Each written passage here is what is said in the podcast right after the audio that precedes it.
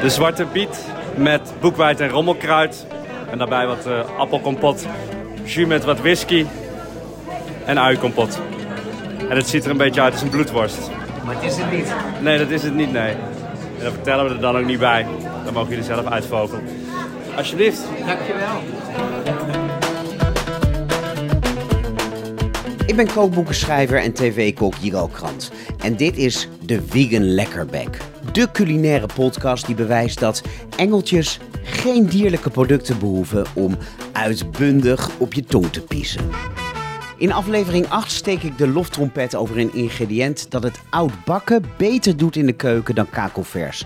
Ga ik uit eten in het beste plantaardige restaurant van de hele ganse wereld en test ik of een plantaardig kruidenkaasje bij de ware fan dezelfde nostalgie kan oproepen als het origineel. Zoals in iedere aflevering doe ik dat niet alleen. Mijn gast van vandaag is bekroond culinair journalist, podcastmaker, op één na slimste mens, maar bovenal Slans meest gevreesde restaurantrecensent. Hier is Hiske Versprillen. Ja, je kan wel gaan zitten zwaaien, maar dat werkt dus niet op de radio. Mag ik al iets zeggen? Ja, dat is het hele idee. Oh, ik moet zeggen jee of zo. Wat moet ik dan zeggen? Ja, wel iets. Oh. Dat is radio. Nee, sorry. Ja, maar ik weet niet of het nog doorgaat of niet. Eh, We beginnen gewoon opnieuw. Hiske, wat leuk dat je er bent. Heel leuk om hier te zijn. Ja, ik trap de uitzending traditiegetrouw af met de vraag wanneer mijn gast voor het laatst vegan heeft gegeten. Maar nu weet ik wat jij hebt gegeten, want jij hebt een gerecht klaargemaakt om zo te proeven in de podcast. Ja, klopt. En daar heb je gisteren van gegeten. Maar als we dat buiten beschouwing laten, wat heb jij voor het laatst gegeten, vegan? Oh, jeetje. Nee, ik dacht dat ik hem gecoverd had met mijn, eh, met mijn reusachtige pan. Dit eh, wordt een hele lastige gemaakt. middag. Eh, ik denk ehm, roergebakken noedels met tofu, met gemarineerde tofu. Is dat een vast gerecht op je repertoire? Ja, dat maak ik wel regelmatig, want mijn kinderen vinden dat ook lekker. Dus met tofu en pinda's. Een beetje gember en knoflook en limoensap en koriander. Ja. En dan mis je niet de zuivel. Helemaal niet. Nee, in Aziatische gerechten mis ik sowieso meestal niet echt zuivel. Ja, misschien een eitje, dat je normaal nog een eitje zou meebakken. Maar met noedels doe ik dat ook niet. Nee. Dus dat zal het zijn. Dit jaar beleef jij je tienjarig jubileum als recensent. Had je daar al bij stilgestaan? Eh, is dat dit jaar? Oh, ja, dat klopt. Je hebt gelijk. Dus ja. de slingers maar Ja, alvast ja, waar. Ja, in, de, in het eind van di- dit jaar is het dan. Helemaal aan het eind van. Dat wel, maar ja, dit ja, jaar. dat klopt. Oh, wat goed zeg. Ja, bizar. En dan heb je dus tien jaar restaurants gerecenseerd. Ja. Hoeveel zullen het er zijn? Nou ja, dan moet ik even goed rekenen. Ik denk zo'n Stuk, 40 per ja. jaar of zo. Ja, nee, zoiets. Ja, dan zo'n 400, denk ik. Zo. Zo, en dat deed je als eerste voor het Parool, als opvolger van de illustere Johannes van Dam. En precies halverwege die tien jaar, in 2018, stapte je over naar de Volkskrant. Klopt. En dus heb jij de afgelopen tien jaar alle ontwikkelingen in de gastronomie ja, voorbij zien komen. Je hebt eigenlijk een beetje zo'n soort stop-motion elke week een afbeelding van je, van je eten. En als je het achter elkaar plaatst, dan zie je precies wat er is gebeurd de afgelopen jaren. Ja, wat een leuk beeld. Ja, toch? Doe je dat? Maak je foto's van je, van je eten? Ja, ik maak heel veel foto's van mijn eten. Ik heb ook echt, ik moest toevallig vanmiddag door mijn eh, Google Foto's heen om een specifieke foto van mijn dochter te zoeken. En dan moet ik ook echt door pagina's en pagina's slechte eetfoto's heen. Want ik ben echt een heel vrij ongetalenteerd fotograaf. Dus ik maak ook alleen maar foto's heel snel tussendoor als geheugensteuntje voor wat er allemaal op het bord ligt. Dus ik heb inderdaad echt, nou ja, duizenden foto's van bordjes. Maar goed, als je dus die tien jaar overziet en naar al die foto's kijkt, naar al die bordjes, dan zie je, en dat was ook al aan de gang toen we begonnen, hoe de moleculaire keuken plaatsmaakte voor wat jij de naam Nouveau Ruig hebt gegeven. De ja. nonchalante kookstijl van stoere mannen met geblokte overhemden en overdreven lichaamsbeharing en tatoeages. Lokaal koken. Ja, de opkomst van de Noordic keuken. Het zwaartepunt ging echt naar Noord-Europa toe. Ehm, Zeker. ik denk ook de liefde voor de Midden-Oosterse keuken. Otto Lengi kwam ineens helemaal opzetten. Ja, Maar misschien wel de grootste omslag, denk ik, in de gastronomie... is de rol die groente is gaan spelen. Ervaar jij dat ook zo?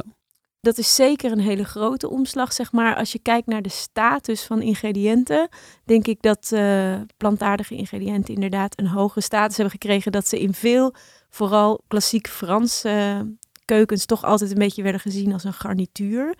Uh, wat ook niet helemaal terecht is, want je hebt natuurlijk geweldige Franse gerechten met groenten, brein met vinaigrette en dat soort dingen. Maar in veel restaurants was een gerecht toch opgebouwd als een stuk vlees of vis, waar dan wat groente en wat koolhydraat naast lag. En zeker in Nederland. Zeker in Nederland, wat je, waar je natuurlijk het uh, AVG'tje hebt, zeg maar. En uh, waar dus ook op het moment dat je het vlees eruit haalt, een soort gat in je bord zit. Dus mensen ervaren dat zo, hè, Mhm. van ik mis iets. En ik denk dat vanuit veel keukens die groter zijn geworden in Nederland, ook zoals de Italiaanse keuken, verschillende Aziatische keukens, maar zeker ook door iemand als Ottolenghi, um, die echt uh, meer een soort egalitaire balans meer in de gerechten neerlegt, zonder dat je één ingrediënt hebt wat echt qua status heel erg erboven uitsteekt. Dat dat heel erg de plek van groenten in gerechten ook heeft veranderd, ja. ja. Zie jij jezelf slechts als waarnemer en eet en bespreek je gewoon het eten dat je krijgt voorgeschoteld? Of voel je ook een zekere verantwoordelijkheid daarin? Um, een verantwoordelijkheid, dat weet ik niet zo goed. Maar ik denk wel, want je had het net over zo'n stop-motion filmpje. Um, ik kies restaurants natuurlijk niet at random uit. Ik kies restaurants uit omdat ze me interessant lijken. Dus het, het, is nog steeds zo dat heel veel restaurants in Nederland gewoon uh, saté verkopen en schnitzels en uh, grote borden friet. Maar daar ga, wil ik dan wel één keer naartoe, maar daarna niet meer. Dus wat dat betreft kijk ik toch altijd vrij progressief naar wat er voor nieuwe ontwikkelingen zijn.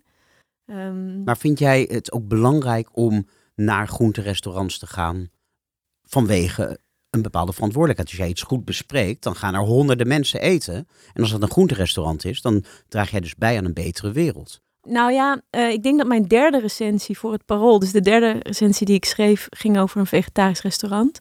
Dat was destijds de Vliegende Schotel en dat was echt afschuwelijk bestaat niet meer. Nee, het mij. bestaat niet meer en terecht.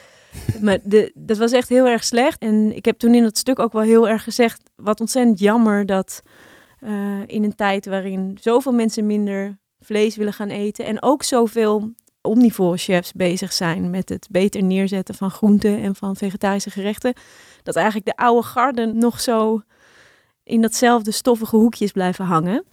En uh, dat is denk ik wel heel erg veranderd. En ik ben, ik ben zelf ook wel bezig, zeker met minder dierlijke producten eten.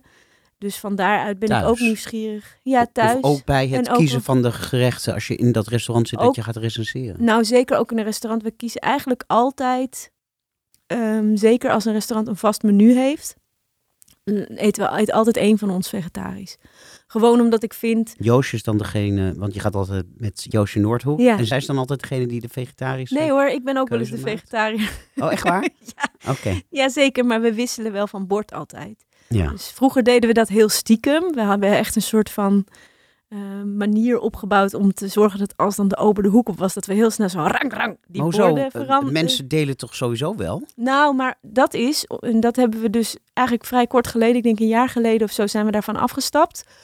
Omdat we vinden dat ook mensen die wel eens vlees eten, ook gewoon kunnen kiezen om een keer een vegetarisch menu te eten in een restaurant.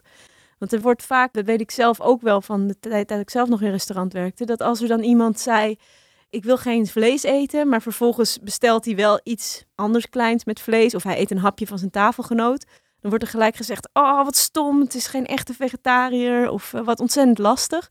Terwijl ik vind dat een vegetarisch menu moet gewoon door een restaurant aangeboden worden, ook aan wie het maar wil.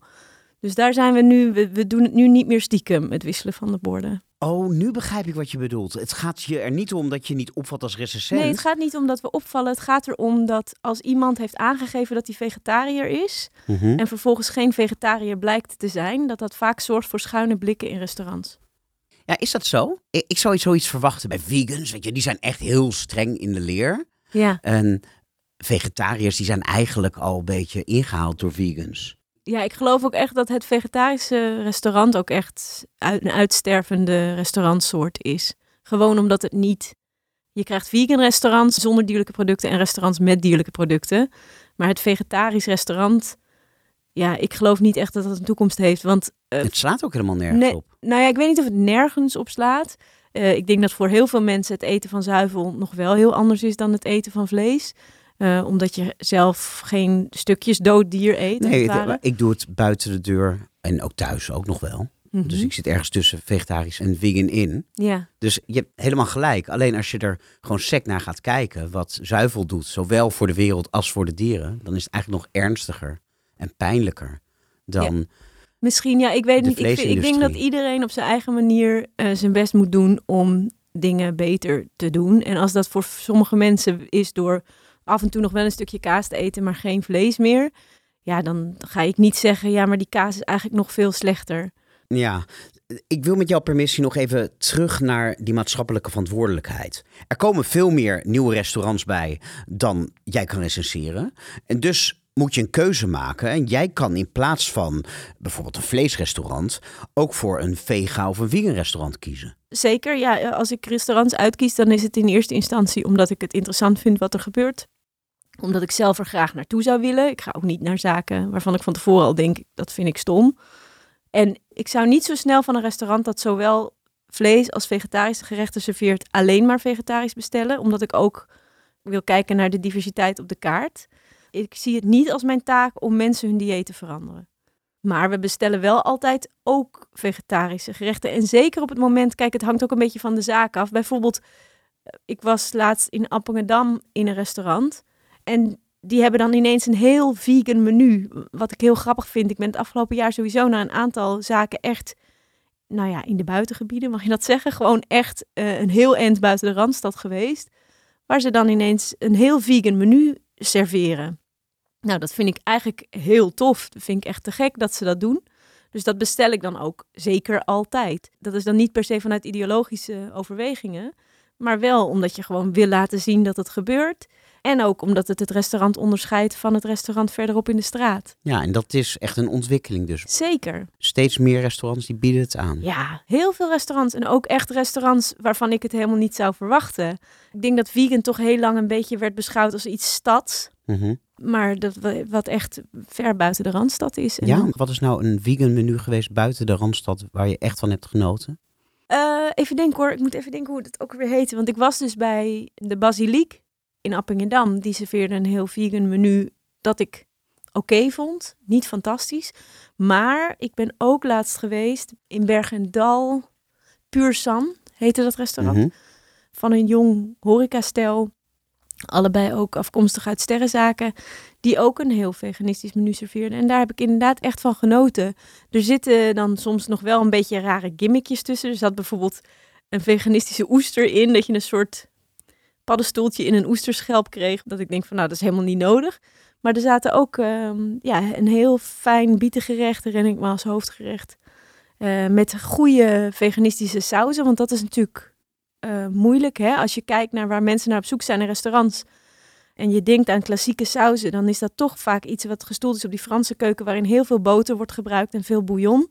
Dus dat moet je op een of andere manier. Moet je daar iets anders mee als je dat plantaardig wil doen. En dat is best een zoektocht. Want dat is echt een hele basis in een keuken. Die je als chef dan moet vervangen. Dus eh, zeg maar alle stappen die je geleerd hebt in je opleiding. Of de, die je normaal gesproken doet. Die moet je gaan herzien. Dus dat, is, dat kost best wel heel veel energie voor zo'n restaurant. En daar heb ik echt bewondering voor. Zijn er dingen die je niet meer eet, uit principe? Nee, er zijn geen dingen die ik helemaal niet meer eet uit principe. Foie gras bijvoorbeeld. Nou, foie gras bestel ik zelf niet meer. Maar ik krijg het wel eens geserveerd in een amuse bijvoorbeeld. Toevallig heb ik daar net over geschreven toen we hadden in een restaurant gegeten... waar we zowel foie gras als paling eh, in de amuses kregen opgediend. En ehm, nou ja, daar vind ik wel dingen van. Dus ik vind eigenlijk, dat zijn allebei toch ingrediënten die heel veel mensen niet meer willen eten. En om goede redenen. Dus De ene voor de visstand. en, En- de ander, omdat eh, je kunt geen foie gras ehm, maken zonder dat je die ganzen volpropt met eten. Dus nee, dat is iets wat ik eh, niet meer bestel. En zeker niet voor de krant. Overigens, eh, En dan krijg je ook Ook- heel veel boze brieven ja, omdat er echt heel, veel- hele, hele kwaaie reacties op komen tot aan het eh, zet die zaak in de fik aan toe. Want er zijn heel veel hele lieve veganisten, Jigal, zoals jij. Maar, Ik ben geen veganist. maar, maar er zijn ook best wel wat hele kwaaie veganisten die echt, ja, soms ook eh, dingen zeggen waar ik echt van schrik.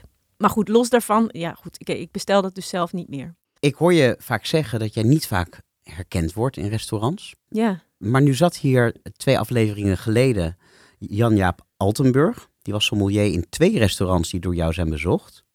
En hij vertelde aan deze tafel wat voor siddering er door de zaak ging. ik heb het gehoord. Ik vond Toen- het echt zo awkward. Maar vond je het toen niet awkward? Heb je dat echt ook niet gemerkt toen? Dat hij, ja, ik wist bij eh dat je herkend werd? Ja, bij Meven merkte ik wel dat ik herkend werd. Ja, En wat gebeurt er dan als ze het merken? dat wisselt heel erg. Soms helemaal niks. Soms eh, gaat een avond gewoon eh, en zie je het. Ik, wat ik, ik heb zelf altijd het idee dat ik het zie als ik een, een bord krijg en alle blaadjes liggen met de mooie kant naar boven. als alle blaadjes op een gerecht mooi met de mooie kant naar boven liggen, dan denk ik, oh, dan kijk ik naar de grootte van de zaak. Hoeveel mensen zitten hier? Dan denk ik, oh, dit kunnen ze niet voor iedereen doen. Eerder hadden we ook Gilles van der Loo hier in de podcast te gast. En hij, hij was de opvolger ehm, van jou in Parool. Klopt. En net zoals jij eh, heeft hij heel lang gewerkt in de horeca. Volgens mij hebben jullie allebei in Toscanini gewerkt. Ja, dat klopt. Niet tegelijkertijd, maar ehm, dat klopt. Ook daar heeft hij je opgevolgd. Nee, daar heb ik hem op gevolgd. Oh, oké. Ehm, maar goed, maar hij is eh, na geloof ik twee of drie jaar is hij gestopt. Omdat hij te veel empathie voelde voor die horecawereld. En het, ja, het hem zwaar viel om ze te beoordelen. Niet eens alleen met, met slechte cijfers, zei hij, maar gewoon... Hij vond het aanmatigend, hij vond het lastig om ze de maat te nemen. Hmm. Heb jij die gevoelens niet? Ehm, nou, het is niet dat ik met heel veel plezier negatieve recensies schrijf. Maar kijk, ik ben zelf al vanaf dat ik vrij jong ben, hou ik van restaurantrecensies. Ik las ook altijd de recensies van Johannes. Ik lees ook graag de recensies van eh, andere kranten.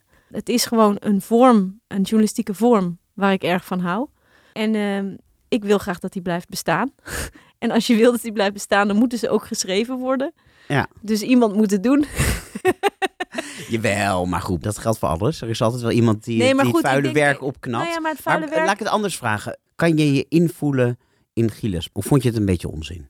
Nee, ik vond het helemaal geen onzin. Natuurlijk niet. Ik zal nooit over iemand anders zeggen dat... Ik nee, ik bedoel, dat heeft hij echt niet voor niks gedaan. Eh, als hij daar heel veel moeite bij heeft, dan moet hij daar natuurlijk mee stoppen. Ehm, ik ben zelf van mening dat op het moment dat ik het heel voorzichtig en goed geïnformeerd en op een zo integere mogelijke manier doe. Zeker ook in mijn samenwerking met Joosje, met wie ik ook al heel lang uit eten ga. En zij is ook echt een klankbord voor mij. Dat het voor mij mogelijk is om goede recensies te schrijven, waarvan ik vind dat ze ook gepubliceerd mogen worden. Daar heb ik geen nare gevoelens over. Misschien komt het ook door mijn journalistieke achtergrond. Doordat ik mezelf misschien toch meer als journalist dan als schrijver of als horecaman zie. Dat mijn loyaliteit echt heel erg bij de lezers ligt. En hij ziet zichzelf echt nog als een van hen. Ja, dat zou kunnen. Ja. Ik had het ook wel in het begin, hoor, toen ik het overnam van Johannes, dat ik echt dacht van, oh, ik ga echt over naar de dark side. Ik heb ook twee keer in restaurants voor Johannes gekookt en één keer was het echt rampzalig. dus dat gevoel, dat ken ik ook wel. Dus in die zin herken ik dat ook wel in Gilles. Maar het is voor mij geen wekelijks terugkerende strijd van, oh, eh, wat moet ik hiermee of zo. Het is een fascinerende wereld. Het is een rare baan. We zouden er zo de hele podcast mee kunnen vullen. Maar ik denk dat als luisteraars al niet wisten wie je was, ze nu toch een aardig beeld hebben. En dus kunnen we door met het onderdeel waar deze uitzending zijn naam aan te danken heeft, namelijk oud brood. En zoals alle gasten mocht jij het hoofdonderwerp kiezen. En jij wilde het aanvankelijk hebben over bonen, Ja. maar ging uiteindelijk toch voor oud brood. Ja, Waarom oud brood? Nou ja, het grappige was dat ik dus zat na te denken over wat ik zelf nou een heel lekker plantaardig gerecht vind. En toen moest ik denken aan ribollita, aan de Italiaanse soepige stoof, stovige soep. Broodsoep. Ja, nou, daar zitten mijn drie lievelingsingrediënten in. Die eh, plantaardige lievelingsingrediënten in. Waar ik wel graag een, een podcast over zou willen maken. Namelijk dus eh, bonen. Die eet ik heel graag. Brassica, dus de hele familie van koolsoorten. Daar ben ik ook echt verzot op. En oud brood. En toen uiteindelijk dacht ik toch van... als ik nadenk over wat ik nou echt lekkere veganistische restaurant, eh, resten, gerechten vind... dan zit daar toch heel vaak oud brood in. Ik hou ook heel erg van die, ehm, die elegantie van dat je iets op een geweldige manier opmaakt. Dus vers brood is iets fantastisch. Eh, nou, maar dat, dat, dat duurt een dag. En oud brood, dat is op zichzelf helemaal niet lekker, maar daar kun je geweldige dingen van maken die je van vers brood juist weer niet kan maken. Nou ja, vers brood is eigenlijk een beetje als het leven. Hè? De aftakeling begint al meteen na de geboorte. Ja, precies. ik heb dat vooral bij croissants altijd. Dat je ze pakt en dat je denkt, oh arm ding, over een paar uur is er niks van over. Maar is dat dan ook de verwondering? Is het, zegt het iets over jouw persoonlijkheid? Dat jouw lievelingsingrediënt, of één van je lievelingsingrediënten, iets is wat eigenlijk zijn jeu heeft verloren, maar wat je dan een nieuw leven kan geven? Dat zou kunnen. Ja, dat vind ik wel heel mooi gepsychologiseerd, Jigal. Wie weet. Komt denk ik ook omdat ik gewoon heel erg van brood hou. Ik vind brood echt een soort wonder. Eh, als je kijkt naar wat het is, weet je wel, het samenspel met die micro-organismen. Het feit dat het eigenlijk een soort schuim is, wat ik ook altijd een heel lollig feitje vind. Een gebakken schuim.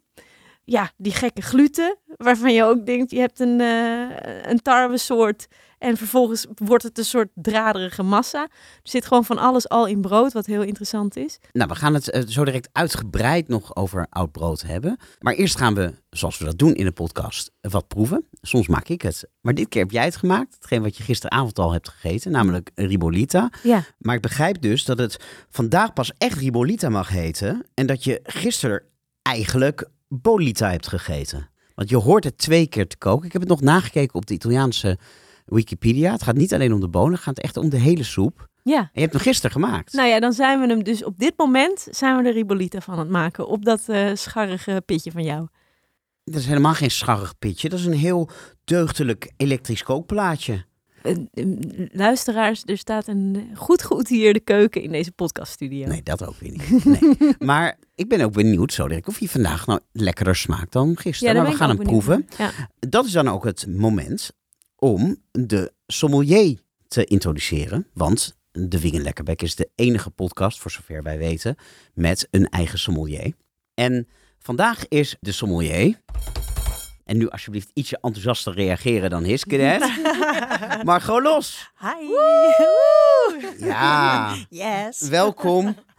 Je mag eindelijk Hoi. meepraten. Leuk dat je er bent. Jij Ja. bent één van de sommeliers van Parlot. Dat klopt. En Ja. eigenaar, toch? Dat klopt ook. Ja, bij jullie staat wijn echt centraal. Ja. Hoe zien jullie jezelf als bar of als restaurant? Een bar waar je ook kunt eten. Een restaurant waar je ook naar de bar kunt gaan. Het is een café waar je binnenkomt. Eh, achterin hebben we een wat keuriger restaurantgedeelte. Voorin staat de muziek wat harder. Ja, ik denk juist dat we het allebei zijn. We hebben heel veel vaste gasten die juist in een beetje het rustige achtergedeelte willen zitten. Maar we hebben ook heel veel mensen die zeggen: Oh, ik wil echt aan de bar, aan die kleine marmeren tafeltjes. Mensen die boos worden op de marmeren tafeltjes omdat ze zo klein zijn. En mensen die zeggen: Ik wil echt niet achterin gestopt worden. Dus dat is een heel leuk contrast. En ik hou ook wel van allebei de type mensen. Mensen die het leuk vinden om lekker te komen zitten en een beetje rustig zijn. Maar ik hou ook van mensen die eh, bijna met hun benen op tafel willen zitten en zes flessen achter elkaar willen drinken. Dus, Dat Ja. is sowieso wel. en die komen allebei. altijd Dus fijn. dat was. eh, we Wat is het dan- gemiddeld aantal glazen dat mensen drinken? Oeh, jeetje, dat vind ik heel lastig. Maar we hebben echt, je weet als een, de allergrootste kliko voor wijn, die vullen wij op een avond. En soms hebben we zelfs meer. Is die te klein? Ik denk, hoe meer café-achtige setting je hebt, hoe meer er gedronken wordt. En ook, wij hebben een lage wijnmarge. Dus ehm, bij ons gaat het erom, weet je, het moet ook druk en vol zijn, want daar is ons concept op gebaseerd. Concept, klinkt altijd zo, maar ehm, ja, dus ik denk veel, veel sommeliers, eh, mensen van restaurants die weten dat je bij ons zeg maar voor een goede prijs een fles wijn kan drinken en ook een hele speciale fles. Dus ja, alles wat je betaalt voor die fles, het grootste gedeelte zit ook echt in de inkoopprijs. En daardoor wordt er ook gewoon meer gedronken. Want je denkt, oh, ik ga ook nog dat nemen. Ik, ga ook nog... ik merk dat zelf ook als ik bijvoorbeeld bij Rijssel zit. Dan denk ik, nou, dat is zo'n goede prijs. Ik neem hem. Weet je, en dan is die fles misschien zelfs een paar honderd euro. Maar dan denk je, dat is het zo waard. Terwijl als je ergens in een zaak zit met meer personeel of minder couverts, waar natuurlijk ook op een bepaalde manier verdiend moet worden, dan denk je, ja, maar ja, hier ga ik het dan toch maar niet doen. Dus ik wel heel lekker te eten, maar dan doe ik gewoon een normale fles. En misschien niet nog één, want dan ga ik daarna nog wel even naar, uh, ja, bij Job aan de bar staan, uh, bij Zoldering of, uh, nou ja, Stellen de meeste mensen bij jullie flessen of glazen? Heel wisselend. Veel mensen die iets meer over wijn weten, die bestellen een fles. En mensen die het leuk vinden om verschillende dingen te proeven en nog wat willen leren, die vinden het leuk om verschillende glazen te drinken. Ja, Het hangt ook soms een beetje af van het menu. Als je een menu hebt wat een beetje meer op elkaar afgestemd is qua voor en hoofd, dan zeggen mensen snel, nou, we nemen een fles. En, maar het maakt bij ons ook eigenlijk niet zoveel uit. We schenken vijf glazen uit een fles en een fles gedeeld door vijf is de glasprijs. En ja, dus dat maakt voor onze gasten ook niet zoveel uit en voor Ja. ons ook niet. Ja, Hm. dat is altijd wel heel fijn als je ergens zit en je hebt het idee dat een zaak een beetje genereus is met Ja. wijn. Ook kleine glaasjes hebben we echt een hekel aan. Ja, Echt liever te veel dan te weinig. ja. Nou, klinkt mij als muziek in de oren. We hadden het net over de dynamiek die achter de schermen ontstaat als een recensent een restaurant binnenkomt lopen. Nu hebben jullie nooit bezoek gehad van Nee. Hiske, Wel van Gilles. maar van Gilles Ja. wel en van Peter Possel namens Ja, de NRC. Ja, Net na jullie heropening in, even kijken, 2020. Ja. En jullie werden waanzinnig positief Ja. gerecenseerd. Maar dat wist je natuurlijk nog niet toen ze binnenkwamen lopen. Nee. Werden ze herkend? ja, meteen. En wat was de dynamiek die bij jullie toen optrad? Ja, het is heel grappig, maar je wordt, je wordt toch heel zenuwachtig. Ook al, ja, eh, denk je, nou god, we doen het al zo lang en we weten, ja, weet je, beter dan dit kunnen wij het vanavond niet doen. Eh, dan toch heb je het idee van, oh nee, gaat het wel goed? Hebben ze nog wel water? Is die kaart er wel op snel op tijd? Vergeet je ineens alle Ja. andere gasten om Gilles en. Petra heen? Oh, dat is wel gebeurd. Ja, ik, ja, dat, ja, dat is. ik, geloof, ik heb één avond wel gehad dat ik geloof ik de tafel ernaast of iets, dat daar wel iets misging daardoor. Ja, nee, heel Vind ik eerlijk. wel heel eerlijk dat je dat zegt. Ja, natuurlijk. Ja, dat kan. maar ja, het is ook menselijk. ontzettend belangrijk. Ja, Ik weet dat Johannes van Dam, zodra hij doorhad dat de keuken extra zijn best deed voor hem, dan strafte hij dat genadeloos af. ja Johannes had, eh, had, had volgens mij ook altijd een weegschaaltje bij zich. Ik geloof dat hij of Kranenborg een keer betrapt heeft op het geven van meer caviar aan hem dan aan de tafel naast hem. Zo, er is zo'n soort verhaal. hij heeft Dat- de caviar van de buren gewogen. Volgens mij wel. Ik zeggen, Dat is echt had ik wel willen grondig, zien. grondig werk. Ja, Maar je kan het een keuken toch niet kwalijk nemen dat ze extra hun best gaat doen. Als daar een ontzettend belangrijke gast... Je kan zeggen, alle gasten zijn even belangrijk. Nee, dit is ongeveer de belangrijkste gast die je krijgt.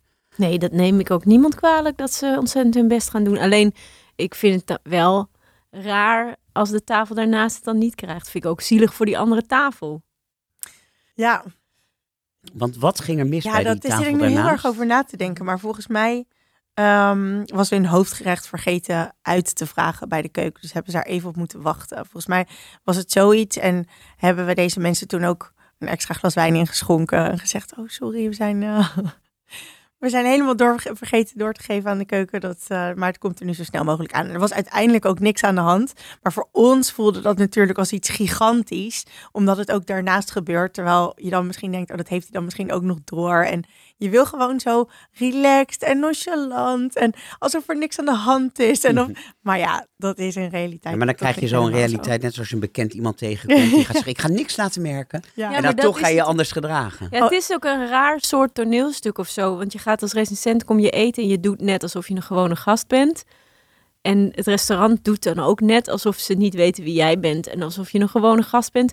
Het hele uit eten gaan is al een toneelstukje. Dat is precies wat ik wou zeggen. Je hebt de, met, bij het eten gaan zelf al, hè, dat je inderdaad als gast doe je net. Iedereen die heeft het er niet over dat we, dat we weten dat het ook gewoon een economische transactie is. Maar, bij het, maar zeker bij dat wel of niet herkend worden, ja, het is gewoon iets lastigs. Want het, weet je, wat ik er het alleringewikkeldst nog aan vind, is dat als ik nadenk over de zaken waarbij dingen echt zijn misgegaan. Dus eh, bijvoorbeeld waarbij je echt onaardig behandeld wordt, waarbij je iets voorgezet krijgt en er wordt iets anders gezegd waarbij je belazerd wordt, laat ik het zo zeggen. Dat gebeurt nooit als ze weten wie je bent. Dat soort dingen gebeuren alleen maar als ze denken dat je gewoon, eh, weet je wel, een normale gast bent. Dus daarom is het voor een recensie eigenlijk veel beter als je niet herkend wordt. Maar ja, als het wel gebeurt, is het ook niemands schuld. Weet je wel, dan kan je er ook. Dus het is gewoon, net als wat ik net zei over die momentopname, er zitten gewoon een paar dingen aan dat vak die gewoon ingewikkeld zijn en waar je ook nooit helemaal de vinger achter krijgt. En daar is dat wel of niet herkend worden, is daar gewoon één van. Ja, wat wel sowieso een van onze filosofieën is om iedereen wel echt dezelfde behandeling te geven. Dus dat, ja, ik vind ook wel, je ziet ook wel soms restaurants waarbij bij echt sommige mensen onaardig behandeld worden of niet gastvrij verwelkomd worden of niet meteen gezien worden. Dat ja, ik hoop wel dat het bij ons sowieso niet zou gebeuren. Ja. Ja. Ik citeer even één zin uit de recensie van Petra Possel. En die schreef: De sterren van deze charmezaak zijn naast de vakkundige, sympathieke sommelier gastvrouwen vooral de wijnen. Nou, mooi brugje naar de wijnen die je hebt meegenomen. Het idee was om één wijn te serveren bij het gerecht van Hiske. Maar er staan vier flessen op tafel. Maar ik ga streng zijn. Je moet er eentje kiezen. We gaan Ribolita eten. Ja. Dat vind ik al sinds mijn jeugd lastig om te zeggen bij soep dat je soep eet. Want ik vind dat je soep drinkt, ook al is het met een lepel. Oh ja? Ja, want het is vloeibaar en je koudt er niet op. Nou, op die Ribolita, ja, wel een beetje. Ja, ja, maar Nee, ja, het is- zit een beetje tussen een soep en een stoof in. En wat ik lekker vind aan eh Ribolita is dat het ook een beetje slurpy is. Het is echt, ik heb het gemaakt. Je maakt het dus met brood, met bonen en met cavallonero. Die cavallonero die komt uit mijn eigen moestuintje. echt waar. Die heb ik gisteren geplukt. Dat is palmkool in Palmkool Nederlands. inderdaad. Ja. En, eh, Een soort boerenkool. ja, een soort boerenkool, maar steviger. Kijk, je kookt de ribolita heel lang. Eh, die bonen kook je eerst en vervolgens kook je alles bij elkaar nog twee uur. Eh, en die palmkool kookt dus ook echt twee uur lang mee, maar die blijft wel heel. En ja, ik vind het dan lekker. Je kunt dat klein snijden, maar ik vind het lekker. Je haalt de nerf er wel uit, want er zit zo'n dikke nerf Mhm. altijd in die bladen van het palmkool. Maar ik vind het lekker om die bladen heel te houden, want dat is echt een beetje viezig eten, een beetje slurpy. En dat vind ik heel erg horen bij ribolita. Het is echt een soort boerenschotel. Ja, ik kon gisteren eh, meegenieten toen je het aan het maken was. Want je had in slow motion op, eh, ik geloof Instagram, had je een filmpje gezet. Ja. Terwijl je door de pan roerde. En Ja. het was de bedoeling dat het er niet aantrekkelijk uitzag. Nou ja, het zag er, het ziet er gewoon, ja, het is gewoon niet een heel fotogeniek gerecht, maar ik hou heel erg van. Mensen reageerden ook echt van, doe dit me niet aan. Ja, ja, nou dat snap ik dan weer niet zo goed, want ja, het is gewoon soep, weet je Ja, wel? het staat nu voor me en ik vind het er ontzettend lekker uitzien. Begin vooral al met eten. Maar ja, het is een dikke soep, maar het blijft een soep. Ja, En ik heb vroeger altijd geleerd, bij soep drink je geen wijn. Dat is wel grappig, want ik heb inderdaad daarover nagedacht. En er wordt natuurlijk heel erg gezegd van ja, bij soep drink je geen wijn. En dat is waarschijnlijk om wat jij net zei. Omdat je zei van soep drink je. En ik denk omdat je dan al iets aan het drinken bent, Ja. dat je dan niet meer iets anders erbij hoeft te drinken. En dat, je Dat dan denk ik, iets daarna vloeibaars weer... bij iets vloeibaars. Dat Ja. is een beetje raar. Nou ja, en misschien was het vroeger ook een beetje een consumé, een klein gerechtje tussendoor. En dan heb je ja, niet per se dat je daar iets bij nodig hebt. Je hebt al meer een heldere Eh, bouillon dat- inderdaad. ja. en dat, dat, dat, nou ja, is en ook, ook nog een andere reden. Want me, de soep kunnen natuurlijk ook heel intens van smaak zijn. Dus een hele gereduceerde bouillon, boter, azijn. En als je natuurlijk heel hoog op smaak iets hebt, is het moeilijk om daar iets bij te drinken, omdat dat dan heel snel Dat is wel wegvalt. grappig, want ik ben een beetje gaan googelen wat de reden is. Ja, En daar kwam ik juist het tegenovergestelde tegen. Dus dat mensen zeiden, soep is vaak heel subtiel. oh. En dan als je daar een complexe rode wijn tegenover zet, dan overvleugelt de wijn de soep helemaal. Misschien ga ik dan te veel uit van de Franse tradities, de bisque en de uiensoep. En de, de, Ik de- denk dat, maar dat zijn ook dikke soepen met veel smaak, inderdaad. Ja. Maar als je een, een mooie heldere bouillon serveert, dan wordt het inderdaad denk ik lastig. champagne. Heerlijk.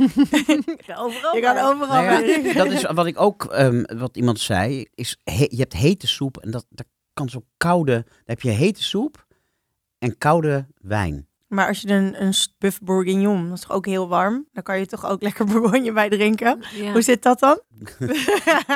Ja, ik denk dat het gewoon archaïs is. Ik denk gewoon dat Gewoon je hebt- onzin. Nou ja, je hebt allerlei regels, zowel in de keuken als aan de voorkant, die gewoon op een bepaalde manier zo zijn ontstaan. Die ook te maken hebben met een soort van exclusiviteit. Van, eh, weet je wel, als je bij de upper class hoort, dan weet je dat je geen rode wijn bij vis eh, Ja. eh, eet, bijvoorbeeld. Mhm. En ik kan me heel goed voorstellen dat dit net zoiets is. Je hebt ook bij soep bijvoorbeeld, zeker soep waar brood in zit. Hè, het woord soep, eh daar zit het woord Mm. brood eigenlijk ook al in. Het woord soep komt van het woord sop, waarbij je ook oud brood overgiet met bijvoorbeeld een bouillon. ehm, waarbij het dus, dat is al een best wel substantiële maaltijd. Het was wel een, een maaltijd voor arme mensen, dus dat, daar zou het ook mee te maken kunnen hebben dat dikkere soepen, dat rijke mensen aten eh, inderdaad lichte consumés, waar, die je misschien moeilijker kan combineren dan wijn, dan echt een stoofachtige soep. Maar soepen gaan natuurlijk van eh, nou ja, dikke, eh snertachtige situaties naar hele lichte soepen. Dus het is bijna moeilijk om er één voedselgroep van te Ja. maken. Nou, je hebt de soep nu geproefd. Hij is super lekker trouwens. Nou, wat fijn. Echt heel lekker. Heel erg lekker. Is hij lekkerder dan gisteren? Ehm, nou, hij heeft best wel een tijdje staan doorkoken net. Ik weet niet zeker of dat hem goed heeft gedaan. nee, wat, ook, wat ik heel belangrijk vind in soep... Eigenlijk een beetje hetzelfde als met de salade. Heb ik trouwens geleerd van eh, Iwan van uh, Rijssel. Die zei tegen mij, je moet een soep eigenlijk aanmaken als een salade. Dus je moet je soep opwarmen en dan moet je hem aanmaken. Met een beetje zout en een beetje zuur en een beetje pit en met vet. En dus dat in, ik vind ook altijd zeker in plantaardige soepen moet echt veel olijfolie. Hier Wat? zit ook echt heel veel olijfolie in. Hetzelfde geldt ook voor koude soepen, hè, voor koude Spaanse soepen. Die moet je ook echt aanmaken met veel olie en veel azijn. En ik geloof dat ik hem, voordat hij zo doorgekookt was, lekkerder vond. Ja, maar, maar goed, nee, ik vind hem Nou ja, ook het was zelf nog dus steeds toch een lekker. beetje behelpen op de Ja. plaatje. maar ik vind hem nog steeds lekker. Ze schept nu gewoon op. Normaal is hij nog lekkerder. Ik vind hem nu al hartstikke lekker. Maar ik heb ook dorst gekregen. Ik vind het heel moeilijk, want het is natuurlijk echt een Toscaanse soep. Eh, er zit ook tomaat eh, doorheen in dit geval. Ehm, daardoor was ik heel erg naar Sangiovese gegaan, omdat dat natuurlijk ook veel zuur heeft en fris. En ook heel lekker bij knoflook is. Dus eigenlijk denk ik dat ik daarvoor wil gaan. Al denk ik dat, ik heb ook een witte uit de Alto Adige, een Weissbrunder. Dat is wat veiliger qua smaak, omdat het wat meer fruit, wat meer crispy. Wat, dat haalt natuurlijk waarschijnlijk die smaken heel lekker op. Zeker die knoflook zal daar ook extra fris van worden. Ook al is het natuurlijk een hele rijke smaak. Maar het is natuurlijk echt een boerengerecht. Hier hoort niet een hele chique wijn bij, maar gewoon echt een lekkere wijn. Zonder te veel opsmuk. Ik denk dat ik dan toch voor de Rosso eh die Montepulciano ga van Le Berne. Maar dat is op zich wel een, een chique wijn.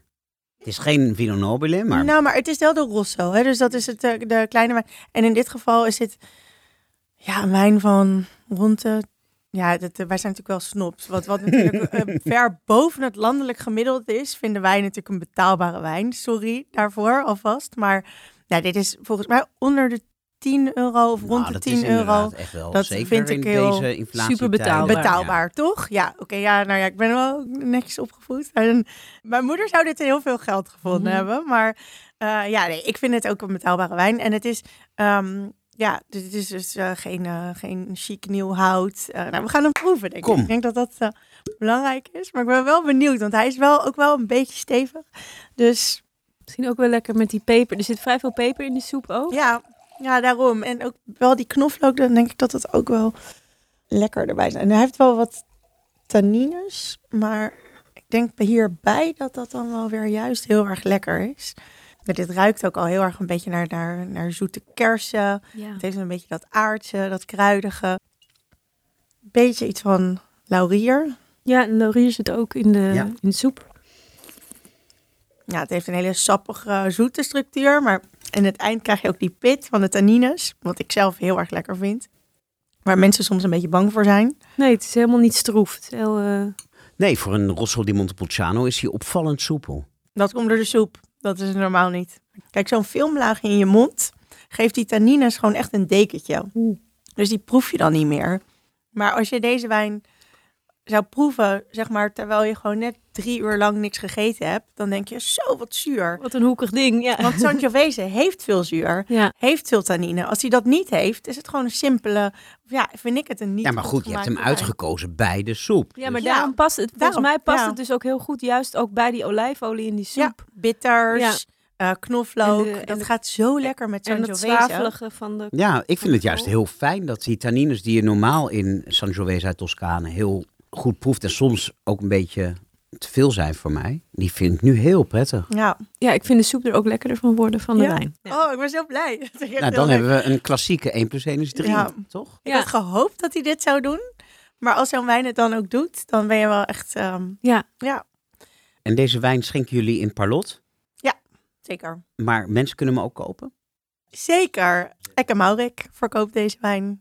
Ja, een hele leuke wijnimporteur met Oké. hele mooie Italiaanse wijn. Nou, dat gaan we allemaal eh, op de Instagram-pagina van de show zetten. Ja. Gaan wij door over oud brood. Terwijl we af en toe een lekker hapje nemen Ja. en een lekker slokje nemen. Ah, nou. Ehm, de soep is op. Soep is echt heel Maar- lekker. Hij was misschien nog lekkerder, maar ik vind dit echt... eh, Ja, maar het is ook echt wel met die wijn erbij.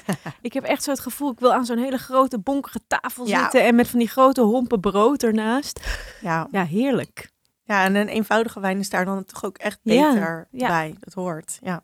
Ik wil nog even terugkomen op de link die je net legde tussen soep en salade. Ja, En dat je soep eigenlijk moet aanmaken als ware het een salade. Ik denk zelfs dat je voor elke soep ook een droge versie kan maken. Die dan door kan gaan als een salade.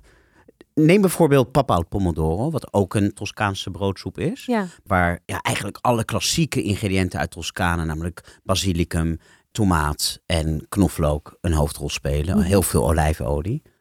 Ehm, ja, dat is natuurlijk gewoon eigenlijk de soepversie van de broodsalade die ze daar ook maken. Panzanella. Ehm, panzanella met tomaat en basilicum en olijfolie en brood. Alleen dan niet met vocht erbij. ja.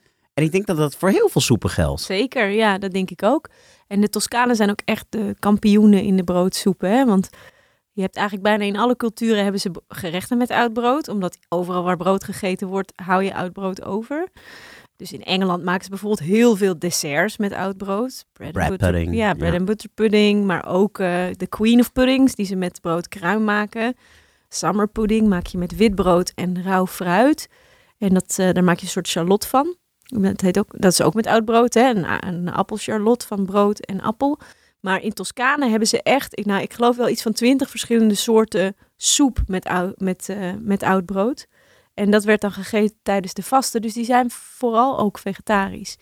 Vaak vegan zelfs. Ja, vaak vegan. Ja, klopt. Ja, want je hebt natuurlijk ook bruschetta of crostini. Ja, Er gaan hele discussies over wat nou het verschil is tussen bruschetta en crostini. Maar het is allebei oud brood. ja. Wat dan opgediend wordt als toast met iets lekkers erop. Ja, crostini is dan meestal wat dunner en wat krokanter En kleiner. en kleiner. En eh bruschetta is groter. Ik heb bij bruschetta heb ik echt eh, bij Toscanini toen ik daar net werkte. Margot heeft daar ook gewerkt Ja. trouwens. Die eh, ehm, eh, echt op mijn eerste dag geloof ik heb ik toen twee gerechten gekregen van hen en dat was pasta AOP. Dus pasta met, eh, Zo lekker. met olie en knoflook en peterselie. En, dat je, en peperoncini. En dat je dat eet. En, en eh, dat ik volgens mij echt zei, ja, wat is dit? En dat de chef zei, ja, het is gewoon eh, pasta met olie en knoflook en een pepertje. En dat ik zei, dat kan helemaal niet. Want dit is echt heel erg lekker. Hoe kan dat nou van zulke... En dat hadden ze daar dus. En ze hadden bruschetta met tomaat. Midden in de zomer met hele goede tomaat. Bruschetta insmeren met een knoflookje en goede olijfolie eroverheen. En tomaat. Nou, het is zo... Je hoofd ontploft gewoon van hoe lekker dat is. Ja, jij hebt dat gehad bij Toscanini. Ik en veel mensen hebben dat gehad op vakantie in Toscane of in Umbrië. Dat je op dat heuveltje zit en dat je een geroosterde boterham krijgt met dat tomaat. Want dat is het. Ja. Dat je denkt, wat, dit moet ik thuis ook proberen. Dit is zo ontzettend lekker. Maar de paradox is natuurlijk wel dat het bedacht is als brood dat oud was. En dat je opdient. Maar dan ga je thuis maken. En dan, ja, dan komen allemaal gasten. Zoveel brood heb je niet over. Dus dan ga je speciaal een heel mooi boerenbrood kopen. Daar maak je bruschetta mee. En de rest hou je over. Dus een soort omgekeerde wereld Ja. krijg je dan. Ja, en bovendien, wat zo grappig is aan oud brood, is dat het ook echt een ander product is dan vers brood. De kracht van de gluten neemt af. Nou, de kracht van de gluten neemt af, maar je hebt ook, hoe heet het nou? Ge... Nou, zetmeel krijgt echt andere eigenschappen als je brood langer bewaart. Het wordt korreliger, Ja, de het wordt, structuur. het wordt korreliger. Het heeft ook een naam. Die elasticiteit gaat eruit.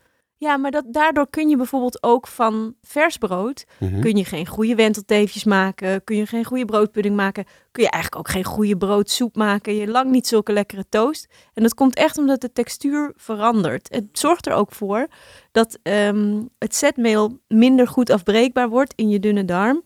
Het schijnt dus ook heel gezond te zijn. En het vult ook beter voor het aantal calorieën dan vers brood. Dus bijvoorbeeld het voedingscentrum. Ik heb het, dit heb ik serieus nagebeld bij wetenschappers. Het is niet iets wat ik gewoon van een of andere influencer heb geplukt. Mhm.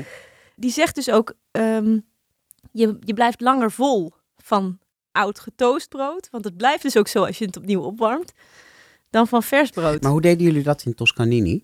Hadden jullie brood en dat lieten jullie dan twee dagen liggen Nee. om een bruschetta van te maken? Gewoon elke avond toch een kontje brood over. En dat ging dan in de broodbak naar de keuken. Ja, In een restaurant heb je zoveel brood over.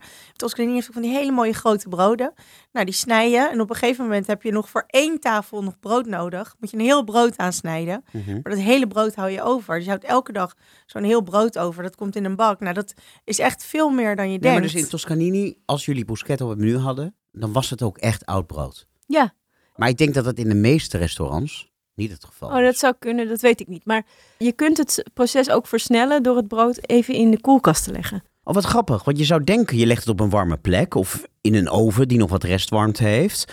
Maar je moet het juist dus op een koude plek Nee, leggen. als je brood op een koude plek legt, dan is het echt binnen anderhalf uur is het uitbakken.